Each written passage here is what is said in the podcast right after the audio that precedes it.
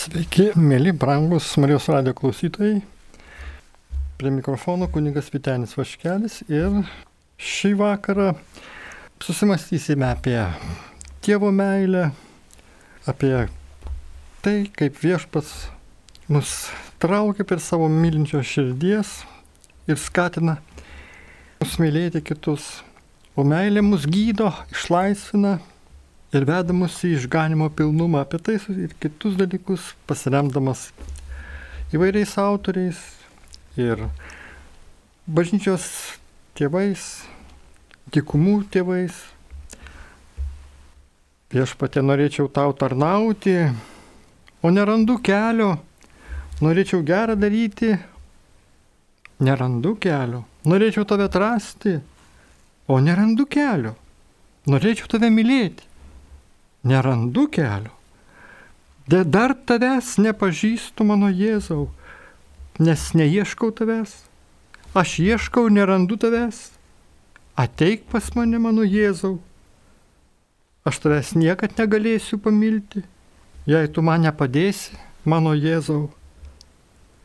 Sutraukik mano pančius, jei nori manim turėti, turėti, mano Jėzau. O Jėzau, būk mano Jėzus. Tikrai viešpatė melžiam tave geriau pažinti, labiau pamilti, kad galėtų ši laida padėti mums tave tvirčiau sekti, tave kitiems liudyti savo buvimu, savo žodžiais, savo gyvenimo būdu. Ir mes prisimename tą nuostabią eilutę, dar kartą susimastom šį vakarą, girdėdami viešpaties žodžius. Dievas taip pamilo pasaulį, jog atidavė vienatinį savo sūnų, kad kiekvienas, kuris įtikė, nepražūtų, bet turėtų amžinai gyvenimą. Jono Evangelija 8 skyrius 3. Tikso 3 skyrius 16 eilutė. Ir tai yra mūsų išeities taškas, tai yra mūsų tikėjimo pamatas, nes būtent iniciatyva ateina iš Dievo, meilė iš Jo ir mes už tą šį žodį, kuris pasaulyje yra savaip nuvertintas, suteikėme jam turinio, atgamtinio ir mes tas aiškiai galim sakyti, jog į šitą viešpatės meilę esam kviečiami atsiliepti savo veiksmu. Tai, ko tu viešpatie iš mūsų jau nori. Ir štai Jėzus mums primins, aš jums duodu naują įsakymą, kad jūs vienas kitą mylėtumėte. Kaip aš jūs mylėjau, kad ir jūs taip mylėtumėte vienas kitą. Iš to visi pažins, kad esate mano mokiniai, jei mylėsite vieni kitus. Pagaliau ir patys, mylėdami tinkamų būdų, viešpaties maldoj pripildyti išminties dvasių skirimo dovanos, mes neperdėksim. Mes išlaikysim tą dvasinę pusiausvyrą ir suprasime, jog ir turime save mylėti. Apie tai tad labai svarbu susimastyti, nes jeigu mūsų dvasinios šuliniai išseks, jeigu mūsų širdis bus sausa, mes galim panašėti fariziejus, galime laikytis Dievo žodžių raidiškai, bet stokoti dvasios, gyvybės, kurie ateina per maldą, per pasišventimą, per atsidavimą ir jos vedimas mus veda gilin į Dievo sunaus širdies slėpinius. Ir mes todėl prašom viešpatie tavo palaimus, kad galėtume mylėti ne tik žodžių ležuvių skelbdami tavo Evangeliją, bet svarbiausia darbų ir tiesa. Nes kas myli savo brolį, kaip evangelistas Jonas pirmam Jono laiške sako, tas pasilieka šviesoje ir jame nieko piktinančio nėra. Tad svarbu mums paklausti, ką reiškia mylėti taip, kaip viešpats nori. Ir daugelis nūdienos krikščionių sakytų, esą kaip Jėzus atidavė savo gyvybę už kitus, taip ir krikščionis kasdieną turėtų dalytis pačiu savimi su kitais žmonėmis. Tiesa, jei ir negrina krikščioniška, meilė visada grįsta atsidavimu. Mylintys tėvai turi primiršti savo pačių ramybę bei netrikdomo miego poreikį, rūpindamėsi savo mažylių reikmėmis. 15 valandų per parą dirbti arba visą savaitgalį savo vienas nuo šaliai žvejoti pratęs žmogus po vedybų turi iš esmės pakeisti savo gyvenimą. Jei myli žmoną ir nori, kad jinai taptų jo gyvenimo dalininkė. Iš meilės studentams dėstytojai siekia rasti laiko su jais bendrauti, nes dėl savo būdo ypatybių mėliau visas dešimt valandų vienui vieni triūstų ties moksliniais savo tyrimais. Sunkumų kyla, kai susigundome manyti, esą tikroji krikščioniškoji meilė, pasiaukojanti tokia kad krikščionims dėlėtų visiškai įsižadėti pačių savęs. Jie privalo dosniai dalyti save mylintiems žmonėms, it vanduo į smėlį, liedamiesi į visus, kuriuos jie myli ir kuriems tarnauja. Bet įvairūs dvasiniai autoriai pastebi, kad taip tolien nenukeliausim. Nors be abejo, yra šventųjų, yra pats atsidavusių, yra save užmiršusių, visą save ant viešpatės aukos altoriaus, sudegusio iš meilės Dievui ir artimui. O vis dėlto mūsų kultūra skatina manyti, jog tikros krikščioniškos malonės, kurios, kurių turi, pavyzdžiui, sutoktinės turi visomis išgalimis tenkinti savo sutoktinių, namiškių, draugų ir bendratikių reikmes bei troškimus. Daugelis moterų negali savo dovanoti, kad paliko jas užgauliojusi sutoktinį. Kitos išsenka be paliovos triusdamos namuose, kad įrodytų pasiaukojančią savo meilę šeimai.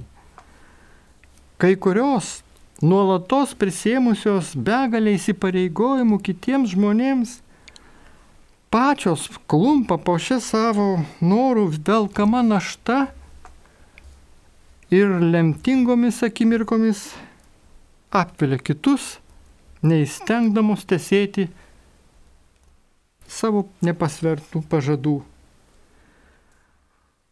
Pasimokykime iš senovės vienuolių abatų, atsiskyrėlių gyvenimo, nes juk pasakytas žodis lieka amžiams, nes Dievo šventoji dvasia juos įkvėptama tikrai pas, paskatino pasakyti arba net užrašyti vieną kitą pamokymą, kurie lieka ilgam. Taigi jie suvokė negalintis nepaisyti to savasties poreikių arba jos įsižadėti dėl kito žmogaus. Vienuoliai patyrė, jog šią savastį išmetę, pardavę į vergyją ar jos nepaisydami, neįstengtų mylėti žmonių, kuriuos nuoširdžiai troško mylėti. Jie tai žinojo pažindami mūsų prigimtį. Mūsų savastis yra Dievo dovana Ji sukurta pagal Dievo paveikslą. Jos tapatybė kyla iš Dievo ir esti pirmiausia su juo susijusi. Štai kodėl dykumos tėvas Salonijus sakė, jei žmogus nuoširdžiai nemano pasaulyje esas vienu du su Dievu, jis nelaimės ramybės. Taip, čia norima pasakyti, kad iš tiesų viešpas svarbiausias jo gyvenime dalykas, nes Dievo įsakymai tebe galioja. Mylėk viešpati visą širdim, visą sielą, savo būtimi, taigi nepadalinta širdimi. O tada vyks Dievo meilės stebuklai, tada mylėsime save tinkamai, tada mylėsim ir artimą Dievo meilę. Bet štai kaip kartais būna gyvenime, paklausykim vieno liūdėjimo, kaip viena motina šią vienuolių mokymo tiesą pažino labai skausmingai. Augindama du savo mažylius, ji ir pati dirbo, kad išlaikytų šeimą ir prižiūrėjo vaikus, todėl gyventi jiems buvo nelengva. Vyresnėlis piktinosi neišvengiamai dažnu jos nuovargiu bei mane, kad labiau įmylėdama motiną mažiau pavarktų ir būtų jam atidesnė. Slegiama kalties dėl tokio sunaus, tokios būsenos ta moteris įtikėjo, kad nepakankamai aukojasi. Prieš sveiką savo protą mėgino būti dar geresnė, kabutėse. Tačiau visos jos pastangos ir toliau buvo bevai, bevaisės. Na, o paauglystėje tas sunus rado puikų būdą ją nubausti. Jis įsigijo motociklą ir toji mama Dviejus metus gyveno apimta siaubo, įniršio bei nuo seno pažįstamo kalties jausmo. Ji buvo tikra, jo kartą, jei išsikir nežus, jis neišgydomai susižalos. Plyštančiai iš skausmo širdimi jį bandė suvokti, ko savo sūnui nepadarė. Na ir taip pat mane svarstė, ką darė klaidingai per visus šiuos metus. Neįstengusi būti geresnė mama, jis sugniužo ir gėdijosi be vargo savo ažalas auginančių motinų. Maldavo sūnų atsisakyti motociklo, tačiau liko neišgirsta.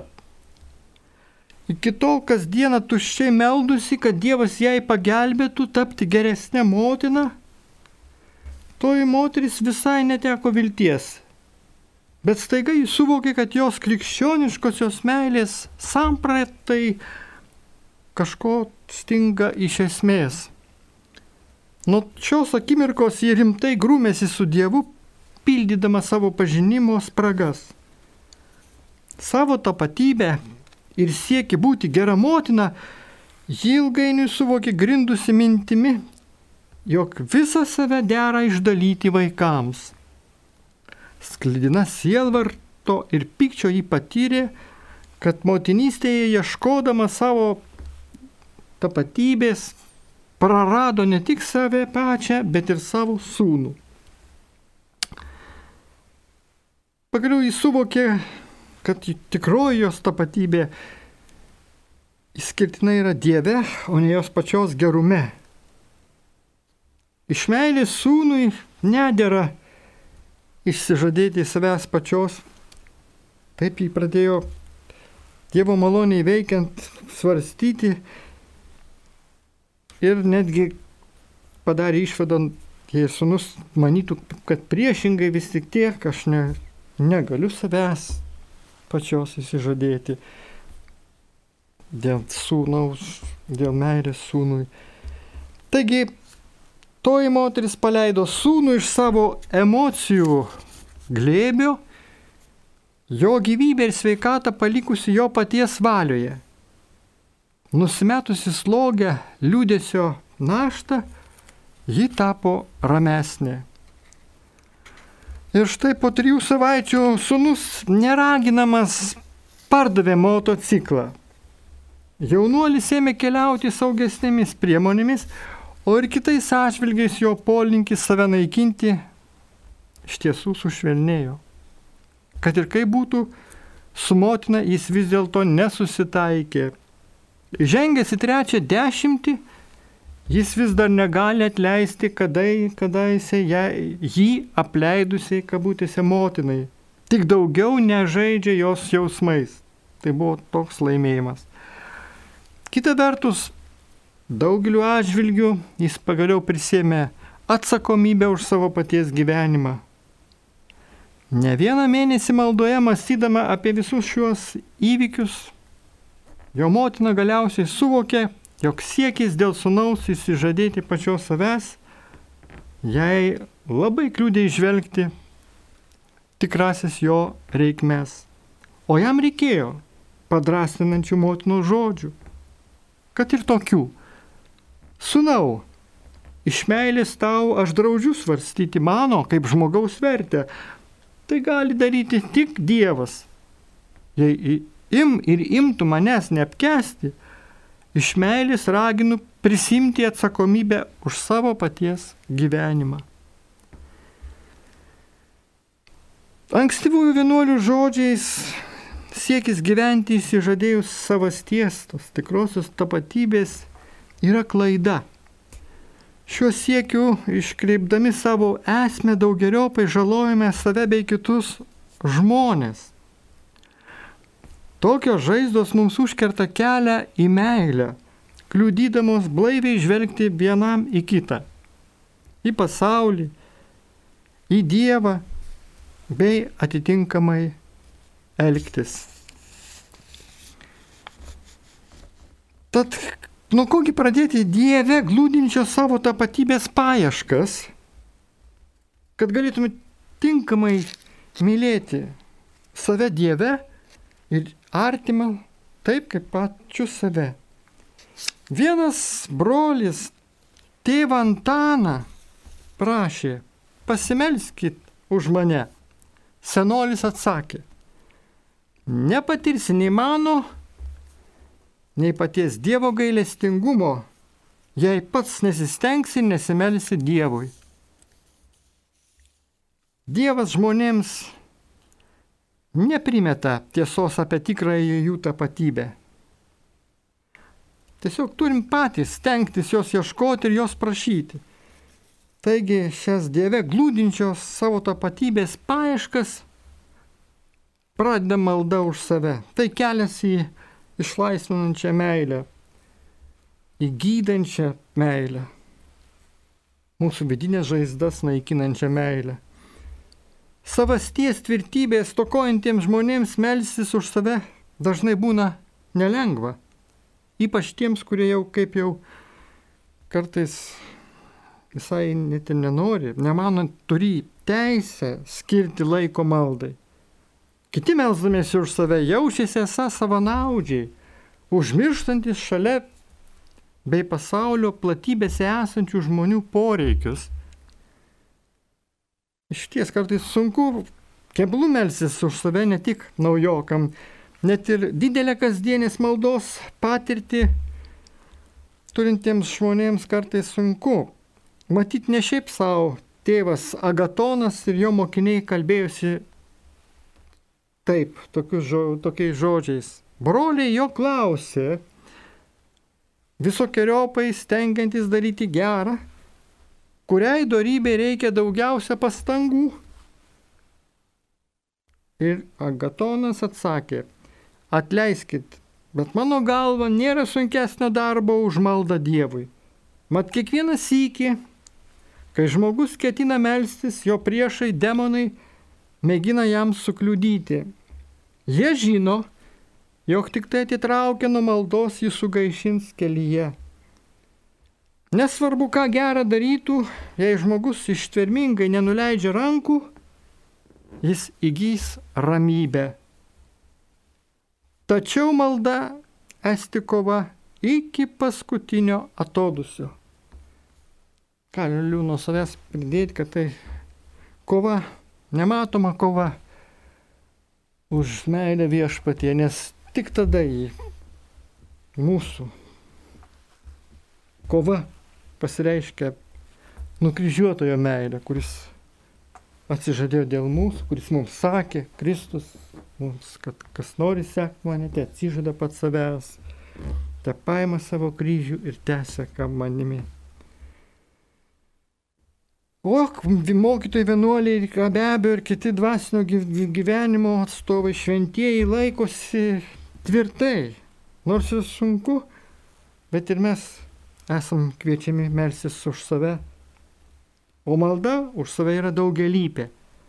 Pirma, jei tik nu, nutuokėme, kuriais atžvilgiais mums ypač reikia Dievo malonės, tai turim jos tiesiai prašyti.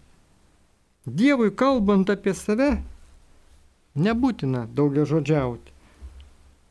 Atsiminkime, ką paklaustas, kaip turime melsis, atsakė tėvas Makarijus.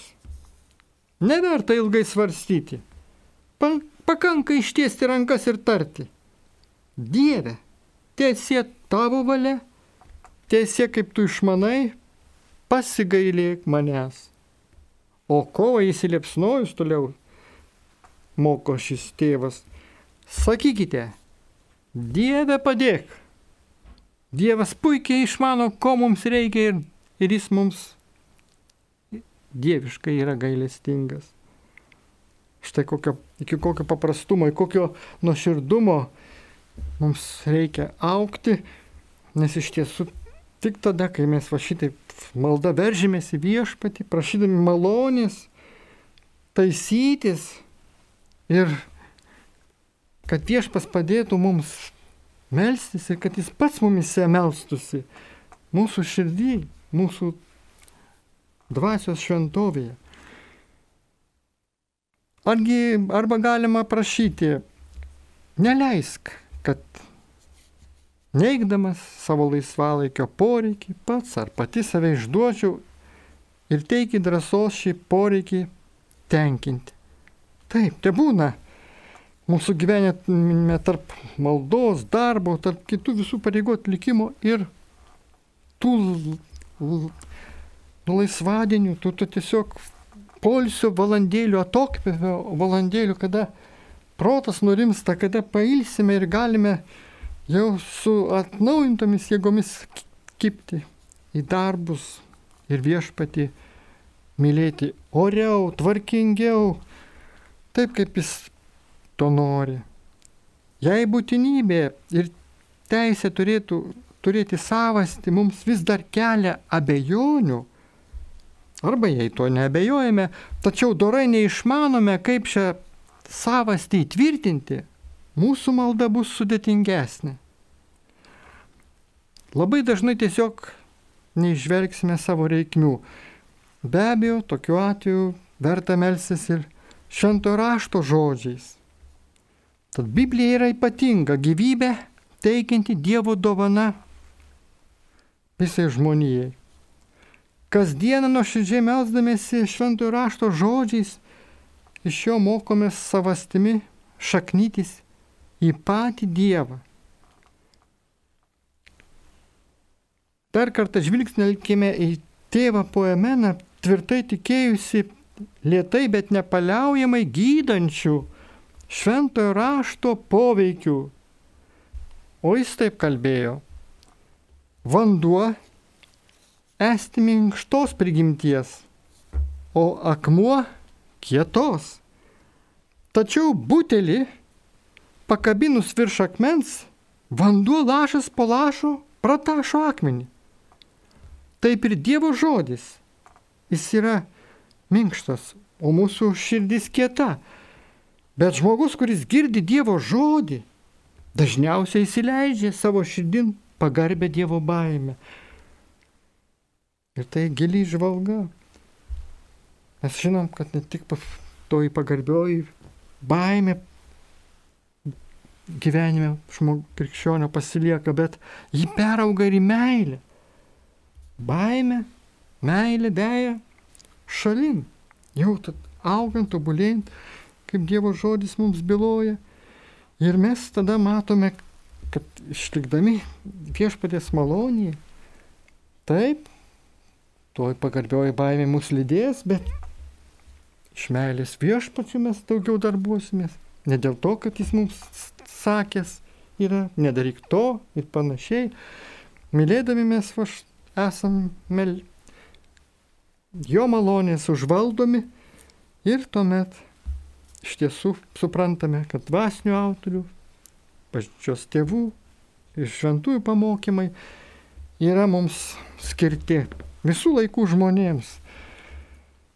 Taigi, šventojo rašto žodžiai mus veda į gyvenimą, į apšiai su Kristumi pripildytą malonių gyvenimą. Todėl ir svarbu gyvenant, mąstant Dievo žodžiais, skiriant kiekvieną dieną, geriausiai iš pat ryto, top laiko ir Biblijos skaitimui, kad taip taptų reguliaru. Ir galėtume paskui skaitydami su malda klausti, o ką šie eilutė man sako apie Dieve glūdinčią mano tapatybę.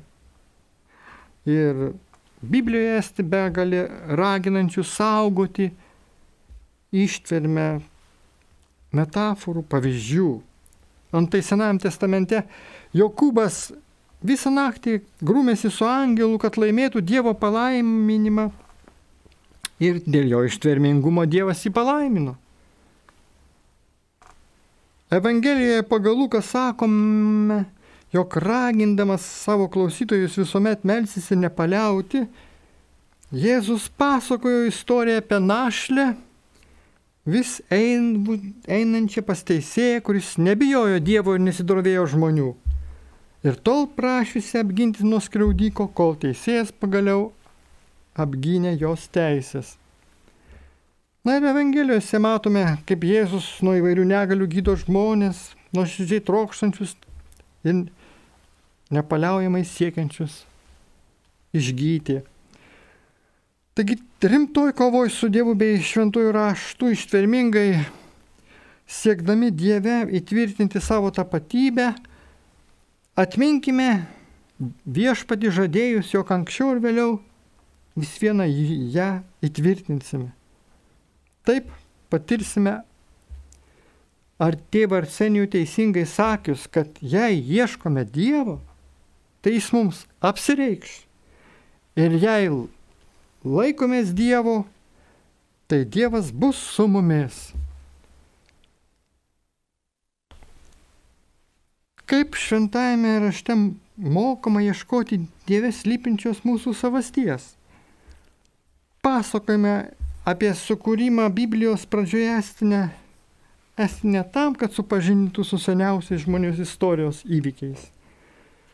Tie liūdimai skirti šventraščio, taigi šventojo rašto klausytojams perduoti žinę, jog kiekvienas esate savitai brangus Dievo. Jūs Dievo paveikslas. Dievo jūs, Dievas jūs sukūrė, kad jam priklausytumėte. Dievas jūs myli bei kviečia būti jo draugu drauge, todėl reikia jum, jam jūsų savasties, kad savo ruoštų galėtume rinktis Dievų jo maloniai veikiant. Dievo žvilgsnių būti žmogumi yra gerai ir jums nedėra įsižadėti to, ką Dievas davė pirmiausia tam, kad galėtume būti jam patinkantis žmogus. Taigi iš didžiulės meilės jūsų vardą Dievas įrėžė savo delne, kaip sako vienas teologas. Žinutė yra klausimas, kaip mylėti žmonės, kurie tave nuolat išnaudoja, meluoja, paima pinigus, naudoja emocinį smurtą, praradau sveikatą ramybę vis atleisdama, ar nuodėmė bėgti gelbent save, ar vėl kentėti? Klausė Marija. Galima ir atsakyti. Na ir geras, puikus, gilus klausimas. Ir trumpai tariant, taip, išvengti to, tų priekaištų, to, to tokio tiesiog, na, moralinio smurto, jeigu tai esam persekiojami, be abejo, iki ribos galima ir atsukti priešininkų, tas, kuris va štai mūsų užsipuola, kokius žodžius netinkamus pasako, atsukti skruostą kitą, kad sugėdintume ramybę savo, parodytume, jog mes galim priimti šitą smūgį gyvenimo, bet jeigu žmogus piknaudžiauja, mes galim tuot, būti su juo tokiuose artimuose santykiuose dėl darbo reikalų, pavyzdžiui, dirbti tam pačiam kabinete ir girdėti jo priekaištus, o jis dar naudojasi savo tarnybinę padėtimi ir gali iš tikrųjų mūsų emocinis tas pasaulis pradėti sviliuoti ir, ir palūšti. Ir ne, nekantrumas mumise pasireikštų. Bet be abejo, vertinga būtų už tokį žmogų savai persiekiojantį ne tik pasimelsti šventas mišes užsakyti ir tikėti, labai tai svarbi sąlyga, tikėti, kad viešpas jį palaimins. Netgi vat, iš pat ryto pasimelsti, žinant, kad gal vėl neišvengiamai susitiksiu ir vėl kažką turėsiu priimti iš jo nemalonaus, kas mano širdį žaidžia. Taip, iš tiesų yra tam tikros ribos, turime nubrėžti, ap, apsvarstę viešpaties su, su juo maldoje, iki kokio laipsnio dar galime pakelti tą kryželį nes čia viskas vyksta Dievui leidžiant. Tačiau antra vertus ir pasakyti stop. Stop, kad, kad neįsektų mūsų va štai vidiniai resursai, jėgos skiriamos darbui, kitiems reikalam, kitiem bendravimam. Taip, turim elgtis tikrai čia plati tema pagal aplinkybės, pagal sąlygas ir melsti šventos dvasios šviesos. E, taip toliau yra nuoširdį padėka jums už laidas, prašoma pasimelsti už mamą Stefaniją, širdies lygoms, e, kraujospūdžiai esant dideliam, už Taip. Violetą, kuri apsirgo COVID. -u. Taip. Bet dar kita, kita žinutė ir klausimas E, kaip išvengti nuodėmės. Susilaikau nuo tam tikrų veiklų, kur galėčiau nešti vaisių. Tokiu būdu užkasu savo talentus. Kaip geriau ar veikti ir turėti puikybės, ar geriau nenaudoti savo talentų, kad nenusidėti. Na tikrai, toks vėlgi tarsi kasus, keblus iš pirmo žvilgsnio klausimas, o labai jis yra paprastas natūraliai veikti, dėkojant Dievui už dovanas, už talentus, nes jeigu užkasim tą talentą, būtent bent vieną, taigi Evangelija ką sako, nu, tai šeimininkas tas, kuris davė mums tą dovaną, tai pareikalaus ataskaitos. Nu, taigi, va, tai, palūkanų savai paskolintas talentas ir štai jis nepanaudotas. Už tai atsakomybė mums be abejo, sakykime, net atvirai kalbu, grėsia. Taip turim atpažinę tą malonę, dovaną tikrai, su, prašyti pagalbos, kad nesididžiuodami, savęs į padangęs nekeldami, suprasdami, kad visą, ką turime iš Dievo, esam gavę ir turim jam gražytinti su kaupu, dėkoti. Aš manau, santykė su viešpačiu, taigi puikybė, bet kokia, kad ir kartais pasikeliam, jaučiam tą rezultatą, kad liktai savo jėgomis tai padarėme. Nu ir iš dalies galim padėkoti viešpatė, pasinaudojai manim kaip nenaudingų tarnų, bet iš kitos pusės visas tas tikėjimo svoris perkeliamas yra tau viešpatė, tau padėka, tau šlovė ir garbė už visas malonės ir tada jokio bejonių čia negali būti kažko nedaryti dėl to, kad gali būt linkėsi puikybė, tai dėl to jau aš vėl nusidėsiu padaręs tą darbą. Tai atiduodu tą savo puikybę, atiduodu savo silpnybės, klaidas, išdidumą,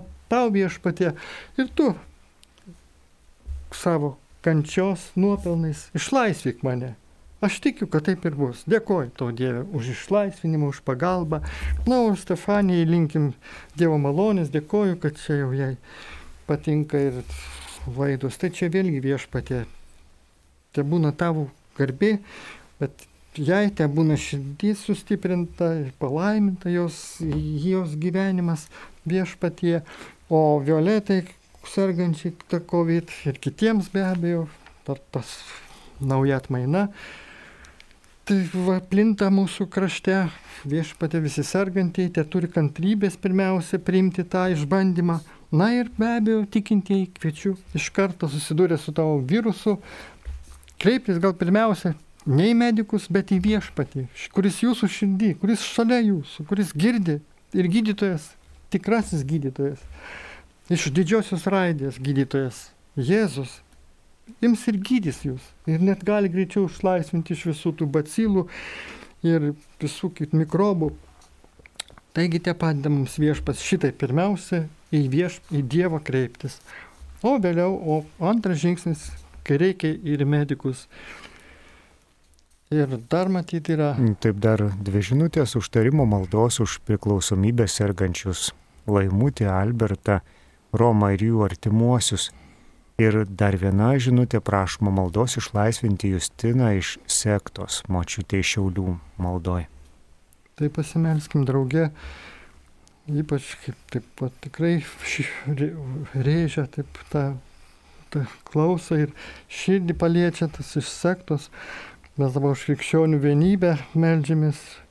Jeigu aišku, tai neturi sąsajų su tikėjimu, su Kristumi, su Krikšto sakramentu, tas, tos, sakykime, tos uždaros grupelės žmonių veikla, kaip buvo įvardyta sekta, tai kągi viešpati, kad atrastų tave malonės pirmiausia. Ir aišku, tai tas, kas įkliuvo, gal į tos pastus žabangus reikia išlaisvinimo, pagalbos, mal, taip melžiamės visi drauge, tikėdami Dievę, tu viską žinai, gal kartais tas žmogus turi klajoti, jo, palia, jo, jo pasirinkimą Dievas gerbė ir paskui, bet tikrai bus ir vaisiai, atsivers, žmogus pats savo, iš savo patirties sakys, ne, tai nebuvo mano klaida. Ir svarbiausia, kad žmogus ieškotų tiesos ir gyvenimo prasmės, nes ieškokite ir atrasite taip tikrai, jis va, atras viešpatį. Ir todėl mes dėkojam vieš ir už, už tą kitą intenciją, kad va, tikrai žmonėms reikia atsivertimo ir čia jų keli vardai paminėta buvo viešpatė malonių gausa. Užliek širdis jų, kad ieškotų tavęs, vienintelio Dievo, jų sielas, jų gyvenimus pašventinančio viešpaties malonės gausos. Mes šito linkim visiems, visiems tiem, kuriems mūsų va štai mintis, mūsų širdis yra nukreiptos. Atsivertimo, vienas žodis, viską pasako. Dėkojam Dievui, išklausai, išgirstimus. Šlovinam tavo vardą, pasitikim tavimi ir piktoji dvasia užtemdanti žmonių protus širdis sukėtinanti, te pasitraukia iš tų žmonių, kurie yra užkėtėję nuodėmėje, nenori priimti tavęs Jėzau. Tu gali, tu, tu, mes tai prisiminsim savo maldose ne kartą, tuos, kuriems reikia sugrįžti pas tave, kad nepražūtų amžinai. Mes dar galime truputį turėdami laiko pratesti apmąstymus su Dievo žodžiu, va, būdami draugė su pačiu Jėzumi, sakyti, kad tikrai esame jo atvaizdas ir paveikslas ir todėl viešpats rūpinasi mūsų gyvenimu, mylimus tokius, kokie mes esame, mums tik reikia pasitikėti viešpačiu, o pasitikėjimas ateina per suvokimą, kad didingasis viešpats, davęs mums krikščionišką pašaukimą, paliko nenykstantį krikščioniško džiaugsmo ir laimės receptą. O štai ką jis paprasčiausiai mums bylojo. Vis dėlto dar priminsiu visus žodžius Šmato Evangelijos 22 skyriaus 37 eilutė 9. Mylėk viešpati savo Dievą visą širdim, visą sielą, visų protų, mylėk savo artimą kaip save patį. Paprasti žodžiai, bet gelmė jų neišsemiama. Žodžiai, kurie tiksliai apibrėžia meilę. Ir šis apibrėžimas nekalba apie sentimentales meilės dainas. Jis parodo jo tos meilės stiprybę ir atgamtinį grožį. Meilė neprašo atlygio būti mylima, ji tarnauja žinodama, kad atspindi meilės šaltinį patį Jėzų, kuris atėjo tarnauti, o ne kad jam būtų tarnauja. Tikroji laimė randama pamiršų žodį aš ir prisimenant žodžius jis, ji ir jie. Taigi, pribrendo laikas ir jaunuomeniai išmokti tikros ir mažos, mažo ir sikių neapriepiamo žodžio meilės prasmės.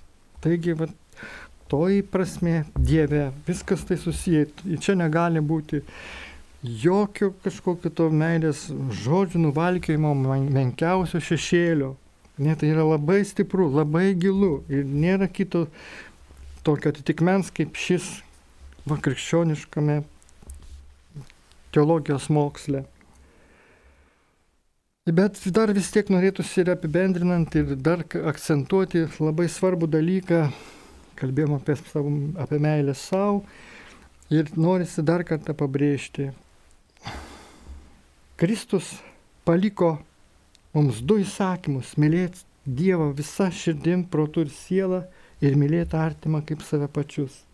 Daug kalbama apie artimą, bet vat, retai užsimenama, kad pirmą mes privalom mylėti save, mylėti savo artimą kaip save pačius. O ką reiškia mylėti save?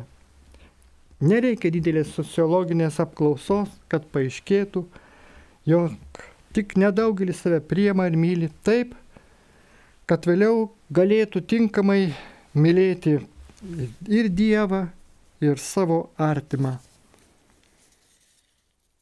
Gal mes bėgame nuo savęs kartais nenorėdami savęs sutikti. O dėl to ir to laiko tylai visiškai mažai skiriam, ar visai jos nebūna mūsų gyvenime, vis tos priemonės įvairiausios, technologinės, vis vakare, ypač jau po darbo grįžus, televizorius, internetas. Na, žinoma, kartais net nuo šeimos atitraukia nuo tos, to dėmesingumo vaikams, tėvus, ypač jaunus. Bet mes nepabėgsime nuo tavęs viešpatė švenčiausioji trejybė, esanti mumise ir laukianti, kad išmokytų, mūsų išmokytų mylėti save pačius taip, kad mūsų širdis iš tiesų Dievo pavyzdžių atsivertų Dievui ir žmogui. Todėl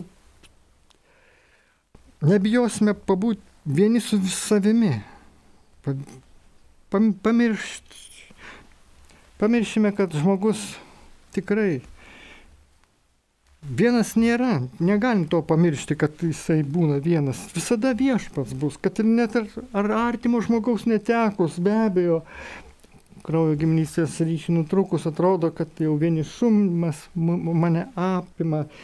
Taip, labai skaudus atvejis tač kai ypač su artimu visko buvo dalintasi, bet viešpas atimdamas duoda daugiau, negu mes galime tikėti. Ir suvokti, mes tikrai tuomet turime to brangaus laiko savo širdis į viešpatį dažniau kelti, su juo bendrauti, jam save paukoti, pas, pasivesti ir žiūrėk, viešpas trauks mus vėl prie savęs kitą kartą, vėl tylos valandėlė.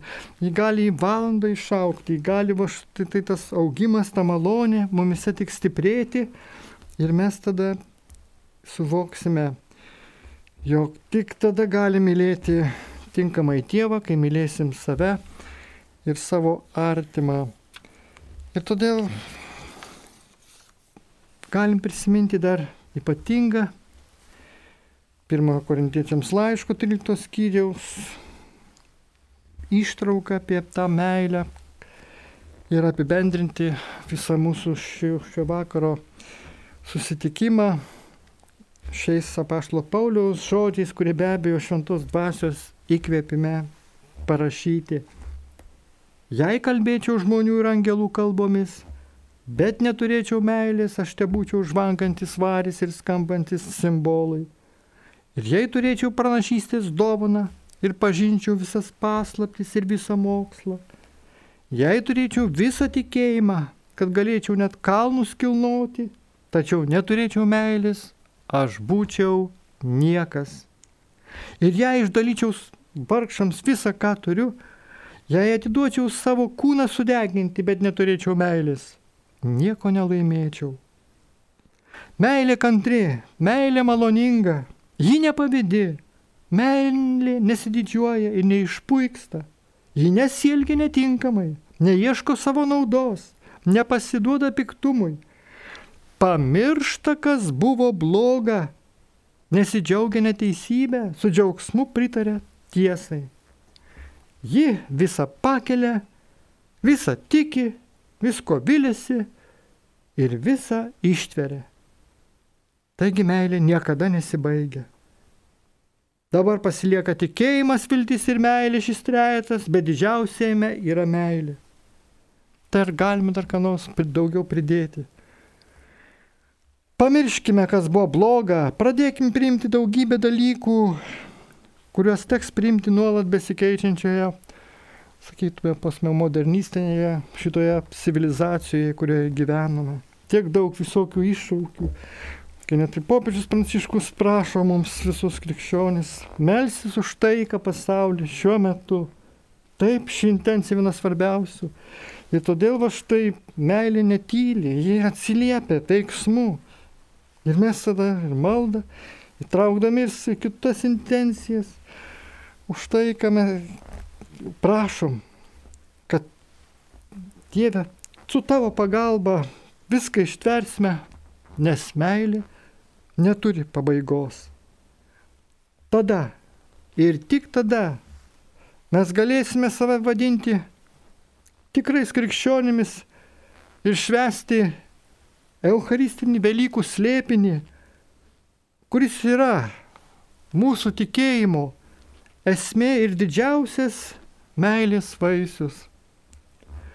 Tai laimina gerasis viešpas, mielus brangius Marijos radio klausytojus šį vakarą, kad galėdami dar eiti ilsėtis, prisimintume viešpatį maldoje, švenčiausią mergelę Mariją.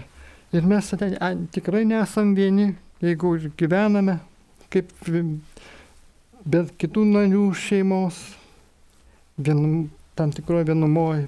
O visus kitus šeiminiškius, visus, visas šeimas, te Dievas gausiai laimina mūsų krašte, te saugo mus, te globoja. Ir svarbiausia, kad mes būtume verti savo gyvenimo besikeičiančių būdų, artėjimų prie Dievo meilę, degančios širdies, būtume verti visų viešpatie tavo pažadų įsipildymo. Sudiev prie mikrofono buvo kunigas Vitenis Vaškelis.